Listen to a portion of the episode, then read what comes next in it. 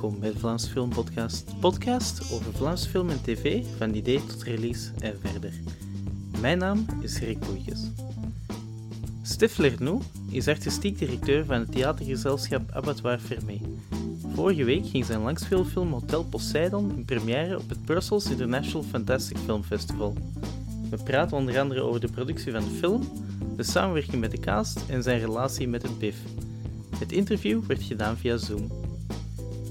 Deze podcast wordt mogelijk gemaakt door de steun van luisteraars zoals jij. Je kan een bijdrage doen voor de prijs van een kop koffie via buymeacoffee.com slash Vlaamse Filmpot of je kan de podcast aangaan aan vrienden of delen via social media. We zijn Vlaamse Filmpodcast op Facebook en Instagram en at Vlaamse Filmpot op Twitter. En nu naar het interview. Ik spreek met Stef Lerloes, uh, schrijver en regisseur van Hotel Poseidon. Welkom, Stef. Dank u, dank u Rick. Dank u.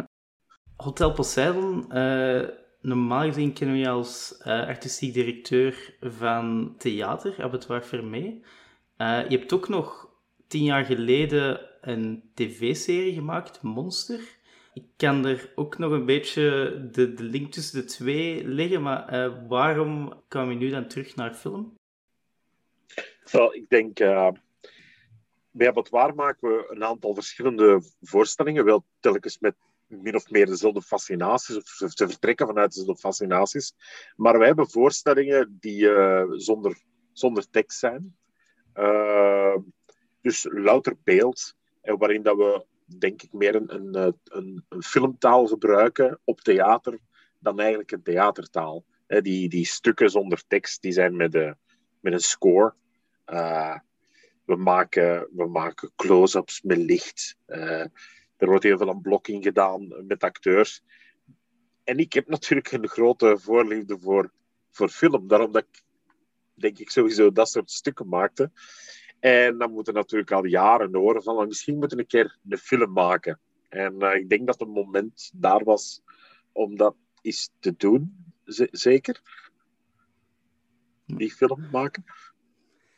Je vertelt dan uh, dat, dat je al heel filmisch theater maakt, maar ik kan ook wel zien dat je een beetje de abattoir-stijl dan ook terug naar de film hebt genomen. Ja, dat klopt. Uh, ik denk dat sowieso ook een stuk onderzoek was van hoe, hoe breng je dat theateruniversum van abattoir, hoe breng je dat in film, zonder per se theater te gaan, uh, te gaan capteren of zoiets, wat, ik, wat ik heel flauw zou vinden. Um, en dat vertaalt zich op verschillende manieren. Natuurlijk, allee, de, de sets in de film zijn gebouwd door, door Sven van Kuik, die daar onze sets ontwerpt en bouwt. Uh, ik werk al, denk ik, twintig jaar door die acteurs die de schmink op hun gezicht te laten verven. Dat is ook goed vertaald in de film, denk ik.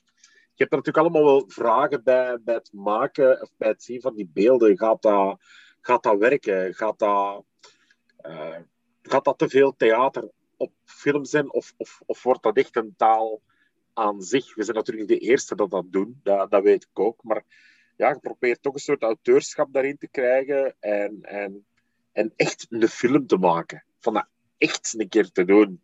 Um, ja, dus, dus, dus ja, ja voilà, een, een, een, eh, een, vertaling van theater naar film zonder een stuk vast te leggen op film. Dat was uh, een, stuk van de, een stuk van de betrachting. Dat gaat misschien meer over uh, de vorm of zo. Zijn jullie er dan ook uh, op voorhand ook mee bezig geweest? Van wat kunnen we doen? Hebben jullie testen gedaan? Nee.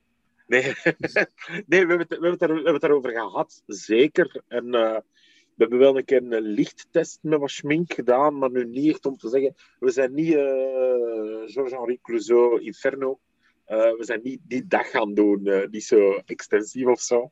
Maar een keer zien van, ja, wat denk je, kan dat werken of niet? Ja, ik, ik, ik hoop het.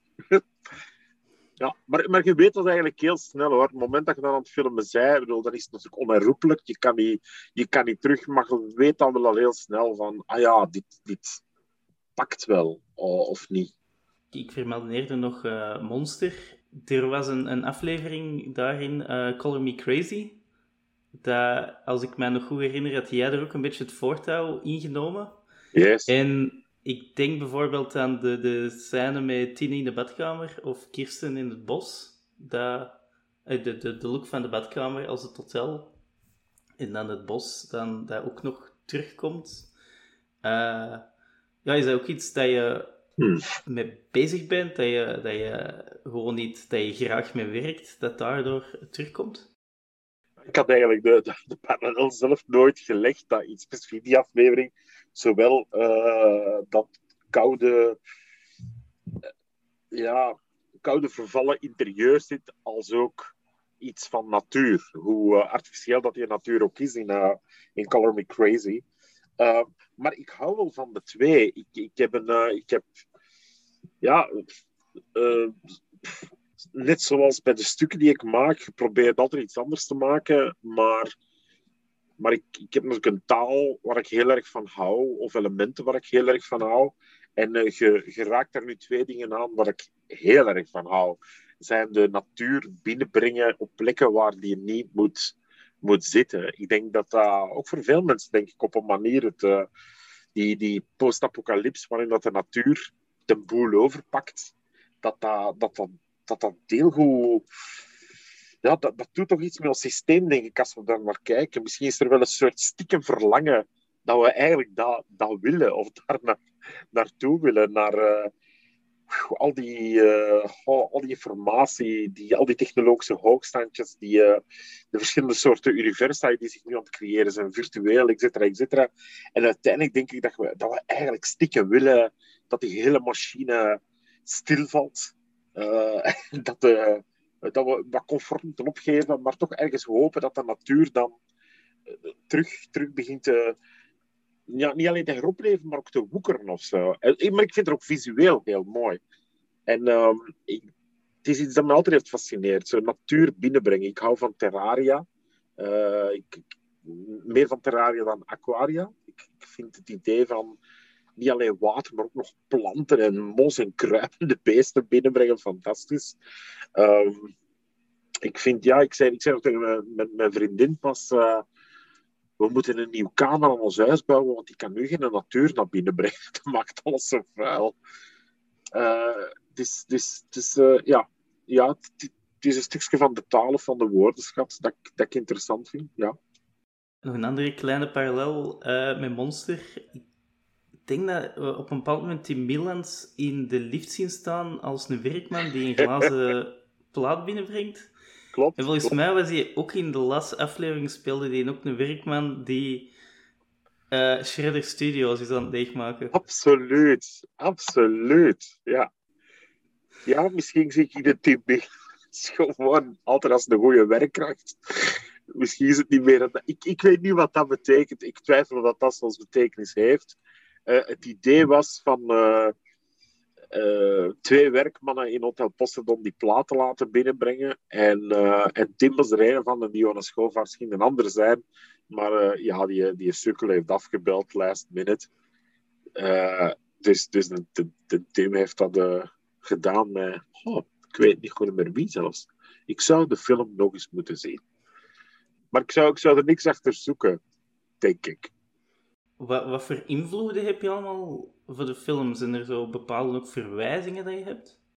Kort antwoord is ja, er zitten heel veel verwijzingen in. Het lange antwoord is, ik weet eigenlijk niet echt goed meer naar wat het allemaal verwijst. Ik zou stapsgewijs moeten, moeten doorgaan.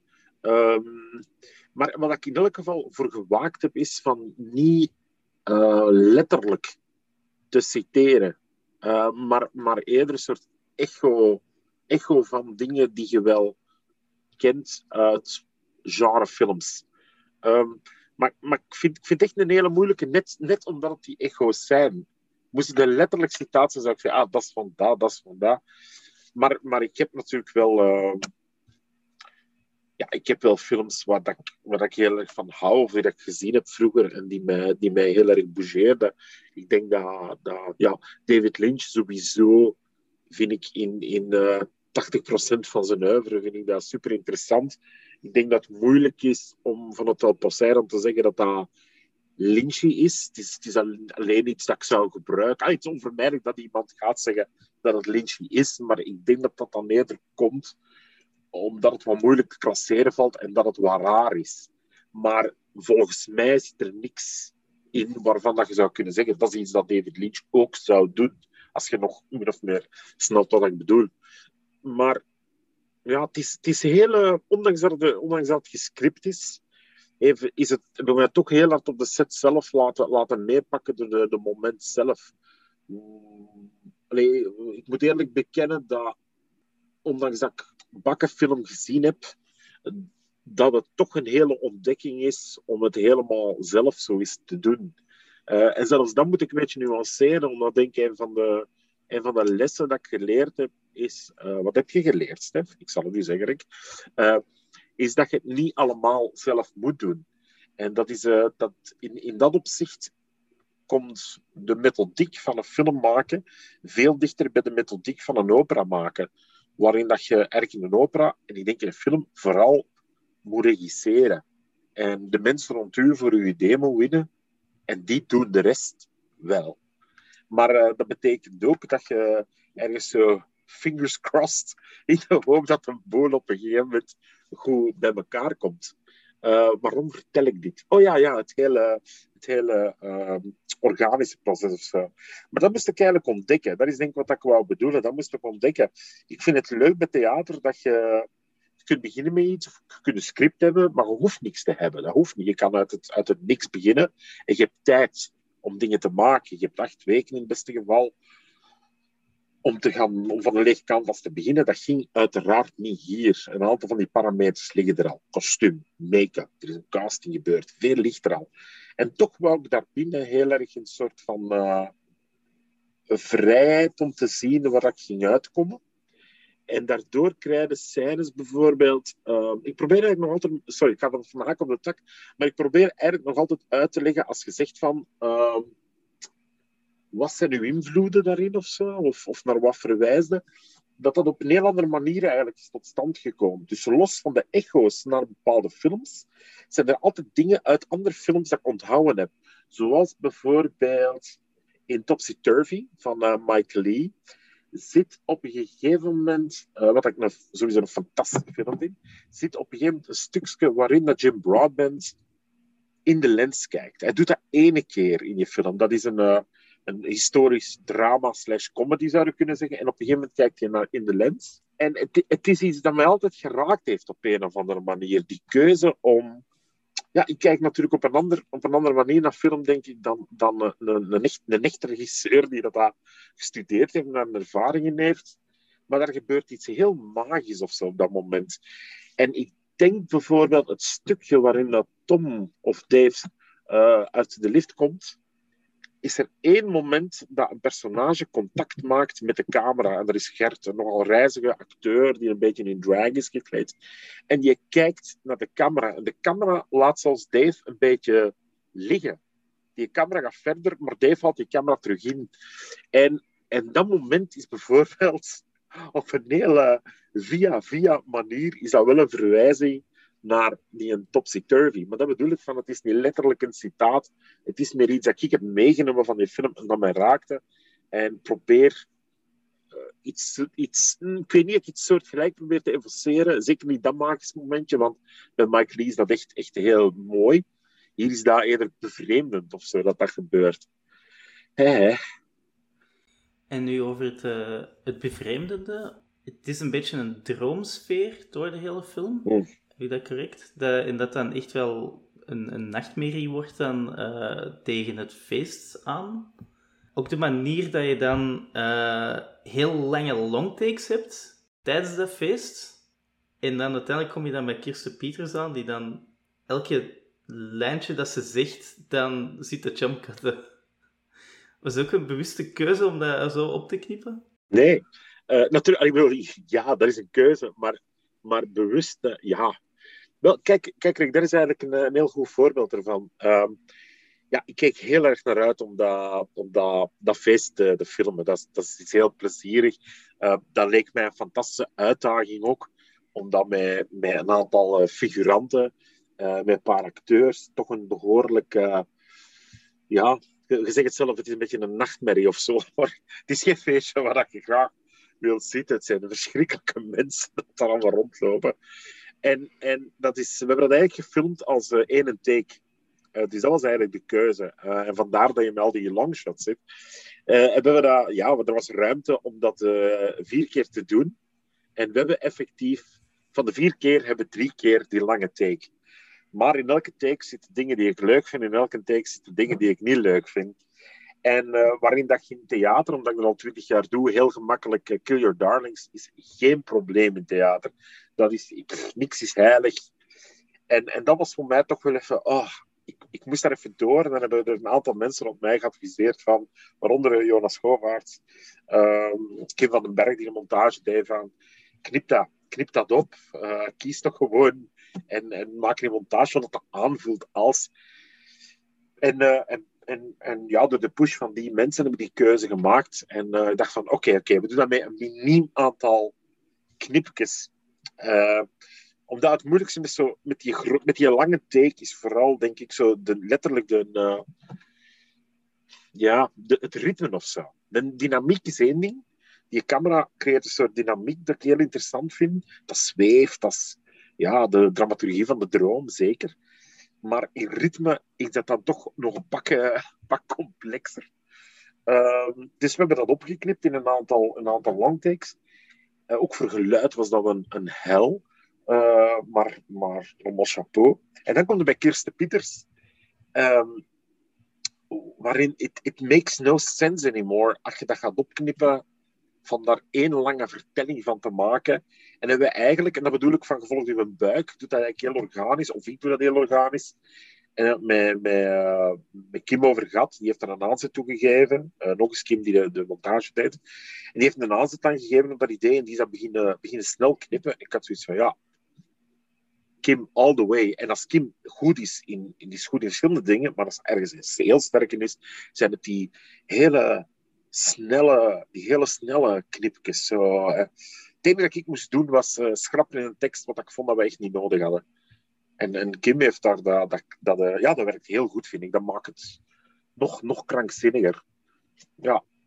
Dus nee, uh, zeker een keuze uiteindelijk, maar niet een keuze aan de beginnen van het ding. It's, see where it takes you. En in dat opzicht is Poseidon wel één, één grote, interessante les voor mij geweest.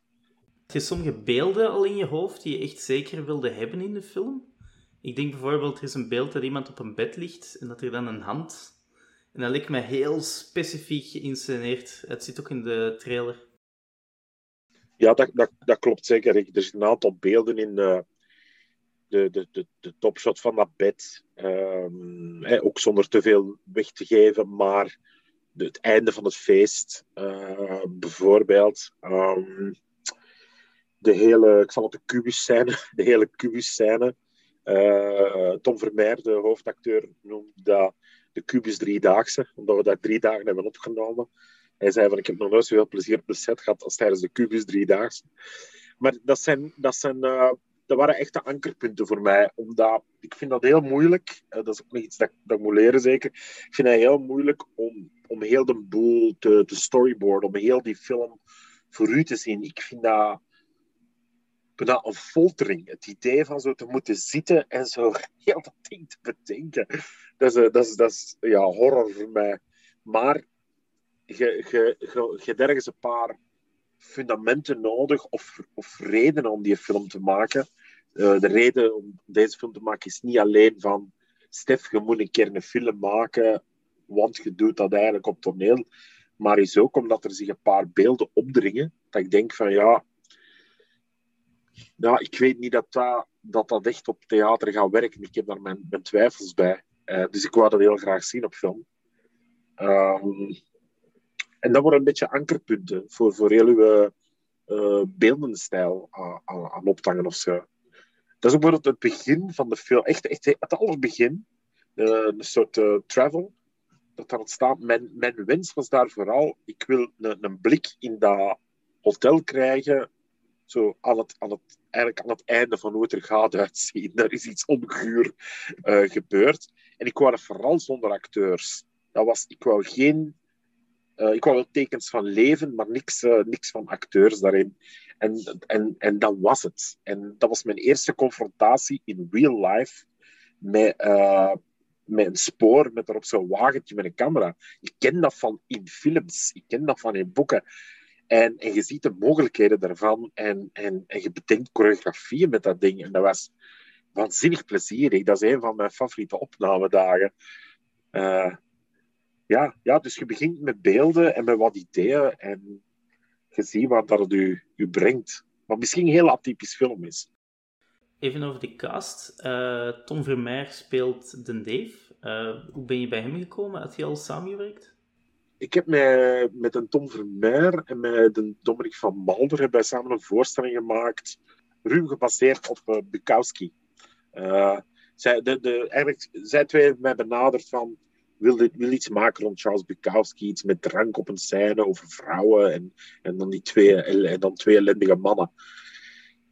En uh, dat was me bijzonder meegevallen met die, met, die twee, met die twee te werken. Best een bijzondere smeuige voorstelling, moet ik zeggen. En uh, de Tom vroeg aan mij... Uh, ik moest nog één scène schrijven, de laatste scène van, van de voorstelling.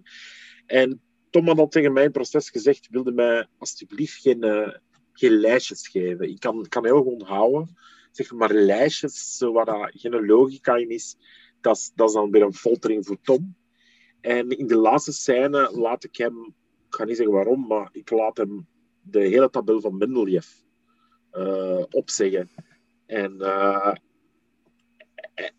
ik vond het zo fijn dat hij dat gedaan heeft en dat hij er hartelijk mee kon lachen. Met de, de frats die de regisseur uit de flirters uithaalde hem. En, um, en dat was voor mij zo, ah, dat is niet alleen een goede speler, maar die mens heeft heel veel humor. En die is bereid van door zoiets verschrikkelijk te gaan als een, een auteur-regisseur die hem koeieneert met een tabel van Mendeleev, zolang hij een functie heeft in stuk, van dat te blokken. En op het moment dat hij door zijn tekst zat, wat wel eens gebeurde, zo rond de edelgassen, durfde dat wel eens, uh, dat wel eens falen. Dan, uh, dan begon hij opnieuw, tot het groot jolijt van zijn uh, co-speler Dominic van Malder.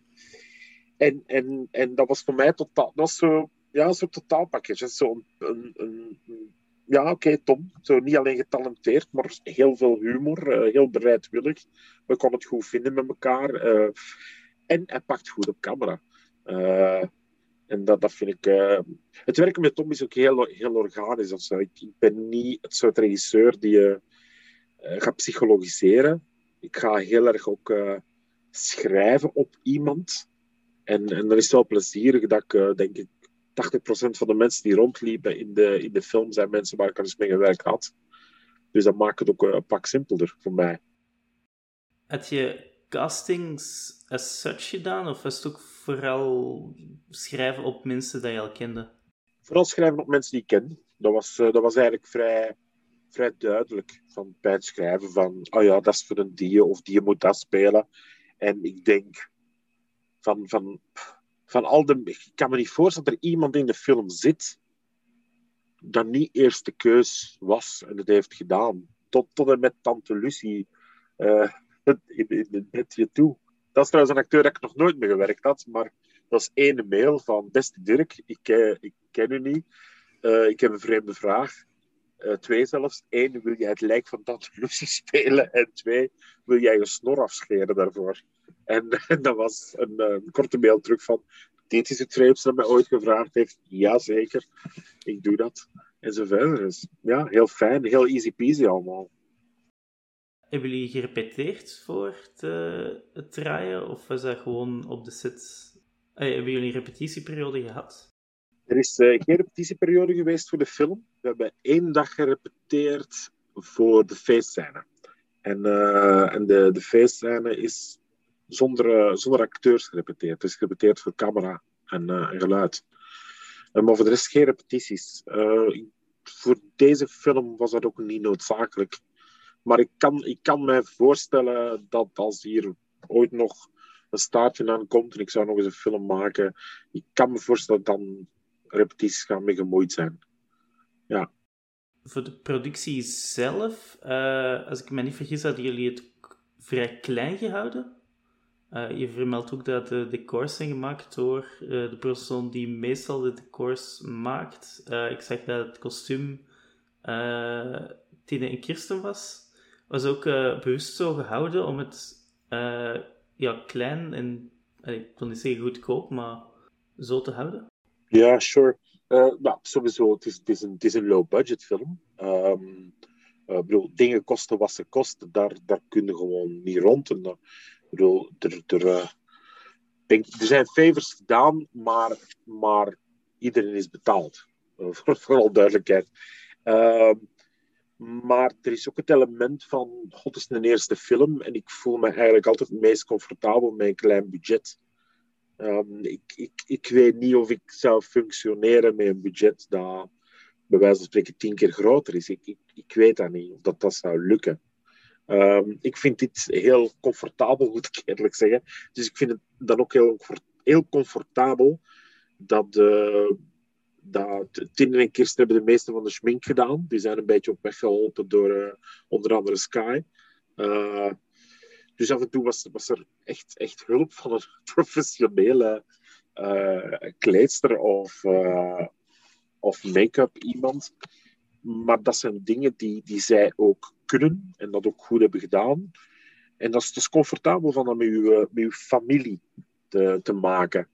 En, en dat geldt even voor de spelers. Ik vond het plezant om uh, één op de tien acteurs niet te kennen, maar ik vond vooral comfortabel dat ik die andere negen kende. De crew is ook super klein gehouden. Uh, ik denk dat er niet veel uh, niet noodzakelijken op de set waren. Dus dat is, dat is echt fijn. En een andere voorwaarde was dat ik min of meer baas mocht zijn van mijn eigen tijd. hebben jullie het volledig gedraaid in CC Mechelen? Heel de film is in het cultureel centrum van Mechelen gedraaid. Op, de, de, op, ja, Sven's ontwerp. Uh, ja, er waren eigenlijk expo, expo-ruimtes, uh, waar normaal tentoonstellingen worden gedaan. En Sven heeft dan een kleine crew, is, dat, is dat een atelier heeft daar, waar we dikwijls samenwerken, een atelier heeft daar houten wanden ingebouwd en is die voor een stuk mee beginnen dressen. En dan heeft Sven dan met techniekers van CC en met, met een paar werkkrachten hebben die daar, ja, ik, ik, ik, zou, ik zou niet durven zeggen met hoeveel, maar, maar maar geen tien man. Dat, dat, dat, is, dat is een handjevol mensen dat dat heeft gedaan. Uh, waar ik heel blij mee was of zo. Ook, ook ja, je weet het niet. Hè. Je zegt gewoon van, uh, je zegt gewoon van theatersets te bouwen en nu ga je iets maken dat je op een andere manier moet geloven. De, ik denk dat de, de stap naar theater om te geloven veel kleiner is dan, dan bij film. Maar dus we waren heel, heel benieuwd van het moment dat aan de camera opstaat, gaan we dat geloven als wereld of niet? Wat dat we geloven dat misschien niet echt is, dat ik nog iets anders vind. Maar gaan we die wereld geloven? En succes! Heel zeker, ja. Yes, yes, de... ik heb bevestigd, dames en heren. Ja. de muziek werd verzorgd door uh, Kring, Pepin Caudron, die ook uh, al muziek voor de voorstelling maakt. Was dat op een... Heeft hij dat eigenlijk benaderd zoals een gewone voorstelling, of was het toch anders? Pepijn de muziek, of uh, eh. Kring, hoe dat uh, Pepijn a.k.a. Kring dat benaderd heeft, dat, dat vind ik een moeilijke. Ik weet niet of dat als een theatervoorstelling als een film heeft benaderd. Ik vermoed als film, omdat hij soms theatervoorstellingen eigenlijk ook als film benadert. En uh, Pepijn heeft ondertussen nog wat ervaring in film. Um, wat ik erover kan zeggen is dat een, een, een, hele, een hele makkelijke samenwerking was. Um, ik denk dat ik Pepijn vier keer gezien heb. Die heeft de voorstel gedaan. Ik vond dat eigenlijk onmiddellijk heel goed, omdat dat zo, uh, zo helemaal niet was wat ik in gedachten had. Uh, een, een heel vreemd soort suspense uh, creëerde, waarin dat, denk ik, uh, zonder de muziek het, het, eigenlijk nog vrij licht is allemaal. Zo. En de muziek geeft er een, een ongelooflijk, maakt er een drama van, een suspensevol drama. en dan was er een voorstel om ik zal ja, nog eens het, het vanaf het, zal ik te veel verklappen, het, uh, het uh, verhaal, vanaf dan dat er een soort synth-score in komt, dat ook heel goed werkt. Ik zou durven zeggen, in de eerste helft werkt hem dingen tegen en in de tweede helft werkt hem goed mee. En die combi werkt werkt heel goed. Je, je begint echt naar die film te zien als... Er heeft drie delen of zo. Je zou kunnen zeggen, het, heeft, het, heeft, is een droom en dan wordt dat een nachtmerrie. Maar ik zou durven zeggen dat die nachtmerrie zich ook in twee laat, laat opdelen. Alles pre de en alles na de kubus. En, en muziek helpt daar, uh, en dat helpt daar enorm bij. Dus dat is twee keer gaan luisteren naar wat er mee bezig was. En een derde keer gaan luisteren naar het totaal. Een paar opmerkingen. En een vierde keer gaan luisteren en zeggen van... Top. Dus dat was misschien de meest makkelijke samenwerking die ik op 20 jaar met Pepijn heb gehad. Um, wie dat er ook heel veel betekend heeft voor, uh, voor scoring geluid is, uh, is Fred. Dat is ook, Frederik heeft, ja, heeft de boel gemixt, heeft sound design gedaan en heeft echt een fantastische job ook gedaan. Omdat, ja, heel de film is gefilmd op een set die we zelf hebben gecreëerd. Er is geen professionele filmset. Dus akoestisch was dat ook nog wel behoorlijk complex, maar hij heeft toch dat setgeluid al voor een groot stuk afgekregen. En dat, dat is ook, ook waanzinnig. En uh, de bruitage is dan nog gebeurd door een, een stel. Om onwaarschijnlijk hoeveel geluidjes dat, daar, uh, dat daarin zitten en op en onder zitten. Dat is van, fantastisch. Uh, het zijn twee mensen die, die, die, die lekker bezig zijn altijd. Maar ik denk dat we even chance hadden om in tijden van corona in die postproductie van, van hun hiervoor warm te krijgen. Alleen Fred heeft dat geregeld. En die hebben alle, alle geluiden dat je hoort, hebben die in huis gemaakt. Wat ik ook wel uh, geestig vind. Dus elk, elk geluidje komt uit het huis van iemand. De film ging in première op het uh, BIF, het uh, Brussels International Fantastic Film Fest. Hij werd opgenomen in 2019. Hebben jullie even gewacht op de juiste moment om te releasen? Of is het gewoon een lange postproductie geweest? Ja, door, uh, vooral door COVID is het een lange postproductie geweest. Want de film was eigenlijk pas echt gefinaliseerd. Uh, ik denk zo januari 2021. Uh, dus dat, dat is, ja, die postproductie is ongelooflijk uitgerokken geweest. Um, plus, ergens in die, ergens in die, in die COVID toestand um, heb ik het werk aan Tom getoond. Tom Vermeer getoond de film. Uh, ja, mensen zaten op uh, hete, hete kool om hem eens te zien. En uh, Tom heeft hem gezien. En die had zoiets van, ik vind het fantastisch, maar er is één scène die ik... Je moet die eruit smijten. En het was iets dat ik meerdere keren had gehoord. En ik denk dat door de afstand... De afstand die dat corona creëerde tot het materiaal om het, het, lange wachten en het terugkijken. En was Tom eigenlijk voor mij de, de laatste druppel uh, om te zeggen, ja, we gaan die scène eruit gooien. Wat weer een implicatie heeft op beeldmontage, geluidmontage, muziek, mix. dus je moet terug door heel die... Uh, dat gaat natuurlijk vrij vlotter dan in een tijd van een pellicule. Maar dan nog moet dat door een aantal stappen. Dus eigenlijk, eigenlijk is het allemaal heel goed. Dat is heel goed dat die scène eruit is. Je glijdt nu veel gemakkelijker in de film dan ervoor. En, um, maar dat betekent gewoon dat de film ja, nog later klaar was. Dus, uh, dus, dus het is niet een keuze om. Het was geen keuze van kom, we gaan twee jaar wachten om te releasen. Maar het was een beetje, ja, bol. Hij was niet af. Hij is nu dan op het, uh, op het BIF. Was dat leuk om te horen dat hij daar in première zou gaan? Uh, ben je zelf ook uh, fan van het BIF? Ja, enorm. ja, ik, ik kijk al zo lang film als dat ik mij kan voorstellen. Ik, ik, ja, ik ben echt nu aan het nadenken van wanneer ben ik echt bewust, bewust film gaan, gaan kijken los van wat ik allemaal zie passeren op tv als kind. En ik denk zo op mijn 12 of 13 was dat, begon dat een keuze te worden. Uh, we huurden een moviebox thuis. Dat ging dan... Uh, Ken je dat nog, Rick? De moviebox? Ja, ja. De, ah, okay, okay. de, de videotheek, dan heb je yes. een, een, een, een, videospeler in 3D, 3 VHS'en yes. of zo. Ja. That's it, that's it. En uh, ik mocht altijd die films kiezen. En dat was altijd, uh, dat was altijd horror. En meestal meestal waren, och arme mijn ouders, meestal waren dat altijd films met grote beesten. Uh, insecten die te groot waren geworden, of, of, of zoiets, of ratten. Uh, Food of the Gods, dat soort dingen. Ik, ik hield van die beesten niet. Wel die natuur dat binnenkomt. En, ehm, en dan op een gegeven moment komt een leeftijd, zo 6, 16, 17 ongeveer.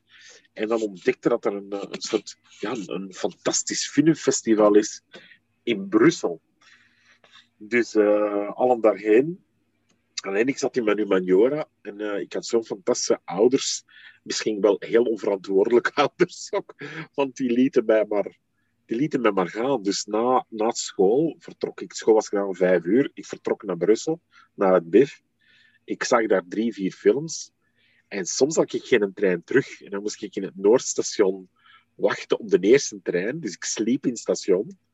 Ik reed naar huis. Ik sliep nog een uur of twee thuis. Mijn, uh, mijn, uh, of ik deed mijn huiswerk in het Noordstation.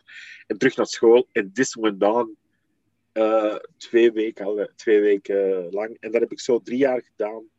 Dus ik heb drie jaar een abonnement gehad op het, op het BIF van mijn 16 tot mijn 19. En um, ja, en, en daar is zoveel mee gemoeid in, in wat dat deed met, mij, met mijn slaap, met mijn school, met mijn ouders op een manier ook. Ik heb mijn eerste lief leren kennen op het, op het BIF. Uh, ik zag die op mijn 16 daar zitten en, en ik was daar verliefd op. En op mijn 18,5 uh, heb ik mij omgedraaid met een boekje bloemen en uh, gezegd, these are for you. En dat werd toen mijn eerste lief, zeg. En zo aan en zo aan. Dus dat is een heel belangrijk festival geweest om verschillende redenen. En de film binnen op BIF, uh, uh, detail, maar de film is binnengedaan op de laatste dag dat je hem kon binnendoen. Uh, ik was bezig, dankzij COVID had ik tijd om mij in te schrijven op festivals. En ik zag, oei, BIF is de laatste dag, binnengedaan. En een dag daarna kregen we te horen van, uh, ja, ja, mag getoond worden bij ons. Dus ben ik blij. Ja, needless to say. Ja, maar over de moon. Natuurlijk, ik ben zo blij daarmee. Dat is, uh, ja, andere festivals zijn ook mooi geweest in België. De Gent had ook heel fijn geweest. Uh, Oostende zeker ook. Allemaal, allemaal leuk. Maar BIF is, heeft een speciaal, speciaal plekje. Zeker. Uh, het is nu natuurlijk met COVID een andere editie. Uh, heb je al veel reacties gekregen over de film via het BIF? Uh, ja, toch, toch, toch wel. Dat is natuurlijk anders dan een live reactie. Dus uh, het is, ik krijg dan sms'jes van, van mensen die, die, die zeggen dat ze het goed vonden. Of een mailtje, of, of op Letterboxd hebben dan een aantal mensen toch al toch al iets gepost. En ja, ja dus op, op die manier. Maar natuurlijk, ja, ik vind het altijd fijn als mensen iets goed vinden. Het, het, uh, het, is, het is een extra bloemetje of zo dat je, dat je krijgt. Um, we krijgen ook van mensen van festivals waar de film is, is, is binnengestoken. Van een aantal van die festivals krijgen we ook fantastische, mooie, mooie mails. Uh, ik ben dat eigenlijk niet gewoon om zeker niet van een organisatie, van zo'n uh, kleurrijke mails te krijgen. En ik vind dat erg fijn, omdat ik dan toch super onzeker ben over film maken. Ik ben daar trots op, maar ik ben trots op die film. Uh, ik heb nog niet genoeg afstand van die film om te zien wat dat een goede film is. Ik vind dat cool. dat is dat een goede film. Dat, dat, dat, is nog, gaat nog niet. En ik ben trots erop voor wat dat iedereen aan die film heeft samengewerkt, wat daar neergezet is, voor, zeker voor een eerste print. Ik zie ook de... Ik heb er ook nog vragen bij, maar dat is misschien voor de volgende keer om, om opgelost te krijgen. Um, dus ik vind al die reacties heel fijn. Aan de andere kant, na twintig jaar stukken maken, ja, de, het is fijn om reacties te krijgen, maar het is niet noodzakelijk om ze te krijgen. Het is, het is fijn, maar niet Ja, ik denk dat dat het is. Het is fijn, maar niet noodzakelijk. Je, je, op een gegeven moment weet je zelf waar het werk ligt. En wat je geleerd hebt en wat je niet geleerd hebt. Dus de, de beloning op zich, allez, als het al om een beloning gaat, is gewoon het feit dat je de film hebt. Ik, denk dat, ik denk dat specifiek als het over film gaat, of deze film, want daar zijn we over bezig, is, de, is om te zien hoe iedereen zo goed zijn job gedaan heeft, met heel veel vertrouwen. En dat, net zoals bij een opera, dat, dat al die elementjes bij elkaar komen. Dat is. Uh... Weet je, als je stuk maakt. Het is een paar keer gebeurd dat ik zelfs ingrijp tijdens de voorstelling zelf, als het niet goed gaat. En, en dat gaat hier niet. Ik kan niet iets terugdraaien en zeggen: mensen, stop met kijken, ik ga het even opnieuw filmen. En, en dat vind ik, denk ik, uh, dat vind ik zo bijzonder. Het idee van al die ballonnetjes, dat iedereen in de lucht houdt met elkaar. En, en dat komt samen. Ja, het, is, is, uh, het, het heeft iets van een heel mooie, zeker met low budget cinema of zo, het heeft iets van een heel mooie, een, een, een, een moment in een jazzoptreden dat is opgenomen. En dat moment is wat je ziet. En volgens mij heeft het ook te maken voor een groot stuk dat je naar low budget cinema aan het zien bent. De tijd is beperkt, de middelen zijn beperkt. En dat drijft op de kunde van al die mensen, maar het drijft ook op nog iets uh, onbenoembaar, pseudo-improvisatoire of zoiets. Uh, ja. Uh, wat is de toekomst voor de film nog? Ik denk zonder meer Oscar voor de beste buitenlandse film. Dat, dat spreekt voor zich. Uh, voor de mensen die naar de podcast luisteren en niet zien wat er gebeurt, Rick is instemmend aan het knikken. Uh, ja, hij blijft instemmend knikken. Wat is de toekomst voor deze film, bedoel je? Ja. Uh, festivals in de eerste plaats. Ehm, ik, kan, ik kan niet zeggen welke, want dat is een soort. Niet dat. Niet dat ja, ik, ik, ik mag dat gewoon niet zeggen. Jammer genoeg. Maar festivals zeker. En dat had ik ook toen ik hem voor de eerste keer in zijn totaliteit zag. Dacht ik, dat is een hele goede festivalfilm. Uh, ik weet niet of het een film is die echt goed zou boomen in de Vlaamse cinemas of zo. Ik denk dat we meer publiek halen in festivals of in een echte, um, op bepaalde plekken te screenen in een bepaalde context. We, gaan hem, uh, we gaan hem in juni bijvoorbeeld in open lucht uh, drie keer screenen in een park in Mechelen. Voor, zoiets, dat gaat heel fijn zijn. Uh, cast gaat ook langskomen. Het is misschien onze eerste live première ook. Maar ik kan me voorstellen of, of dat we hem langs een beperkte tour in CC zullen sturen of zo. Uh, waarin dat ik dan er wel bij wil zijn om, om toe te lichten. En, en ja, en we gaan zeker, zeker een DVD-release doen. Maar dat moeilijk woord. we gaan zeker een DVD-release doen. Ehm, en nog wat dingen. Maar, maar in elk geval niet een, een regulier cinema-circuit. Zeker niet.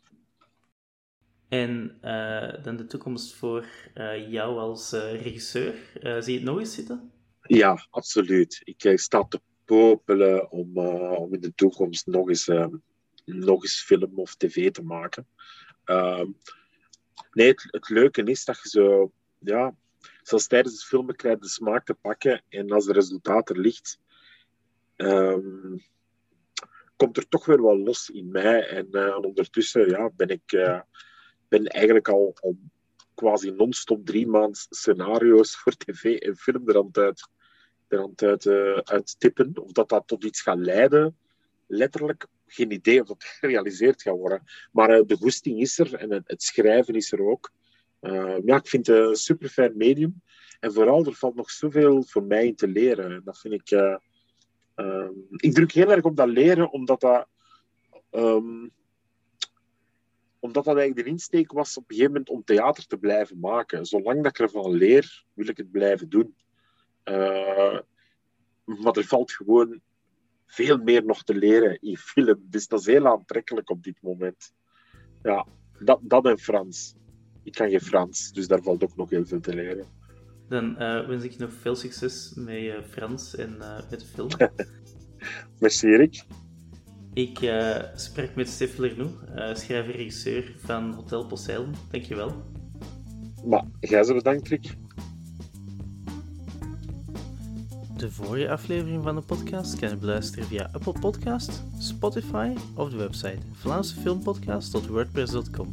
Daar kan je ook een interview vinden met regisseur Jonas Govaerts, waar Stef de tv-serie Monster mee regisseerde. Deze podcast werd gemaakt door Rick Boykes. Dat ben ik. Bedankt voor het luisteren en tot de volgende aflevering.